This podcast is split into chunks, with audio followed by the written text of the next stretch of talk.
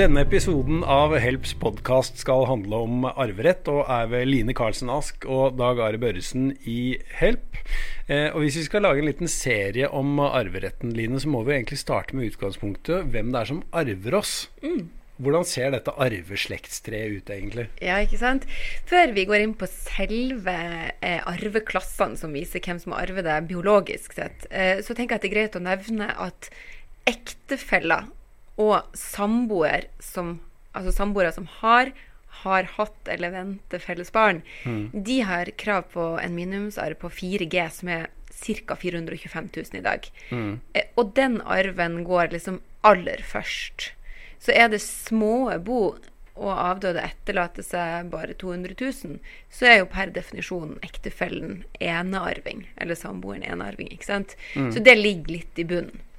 Eh, Og samboer og ektefellers arverett, det tror jeg rett og slett vi må komme tilbake til i en annen episode. Eh, Hvis vi ser bort fra de et øyeblikk, Ja. hvem er det da som arver meg? Ja, Da har vi jo det vi kaller for arveklasse 1, 2 og 3, som vi har valgt å dele det inn i. Og arveklasse 1, det vil være dine barn. Em, så arvelaters barn nedover, barnebarn, oldebarn nedover. Så mine barnebarn de kommer foran søsknene mine osv. Helt riktig. Og så er da prinsippet at hvis det er tomt i arveklasse 1, at du ikke etterlater deg barn, barnebarn, oldebarn osv., da må vi videre til arveklasse 2 for å se hvem som arver deg. Eh, og det vil jo være dine foreldre først. Eh, og hvis du heller ikke har foreldre i live, for det er jo en forutsetning for å ta arv, at du lever. Tar ikke arv hvis du er død.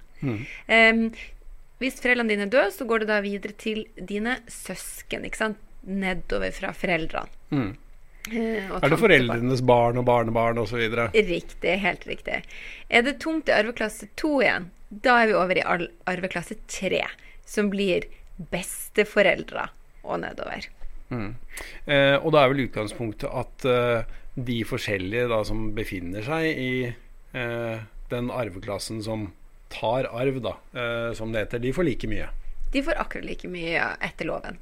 Mm. Det, gjør, det gjøres ikke noe forskjellsbehandling der. Du kan selvfølgelig opprette testament osv., men nå snakker vi jo med den forutsetning at det ikke er oppretta et testament. Mm.